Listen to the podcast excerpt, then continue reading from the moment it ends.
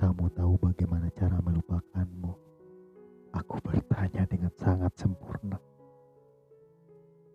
Kusematkan hati ini dalam ucapan itu. Begitu berat, walau hanya sekedar ucapan semata. Kamu juga gak tahu bagaimana perasaan ini melihatmu selalu ada.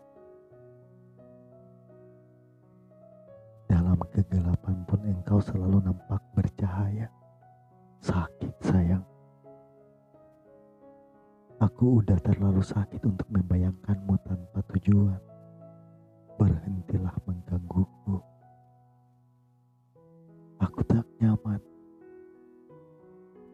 Aku tak bisa terus memikirkanmu dalam ketidakpastian. Kau bilang tak lagi menginginkannya, bahkan telah hilang rasanya. Tapi sekarang, sekarang engkau menggenggam tangannya, menyambut semua yang dia inginkan.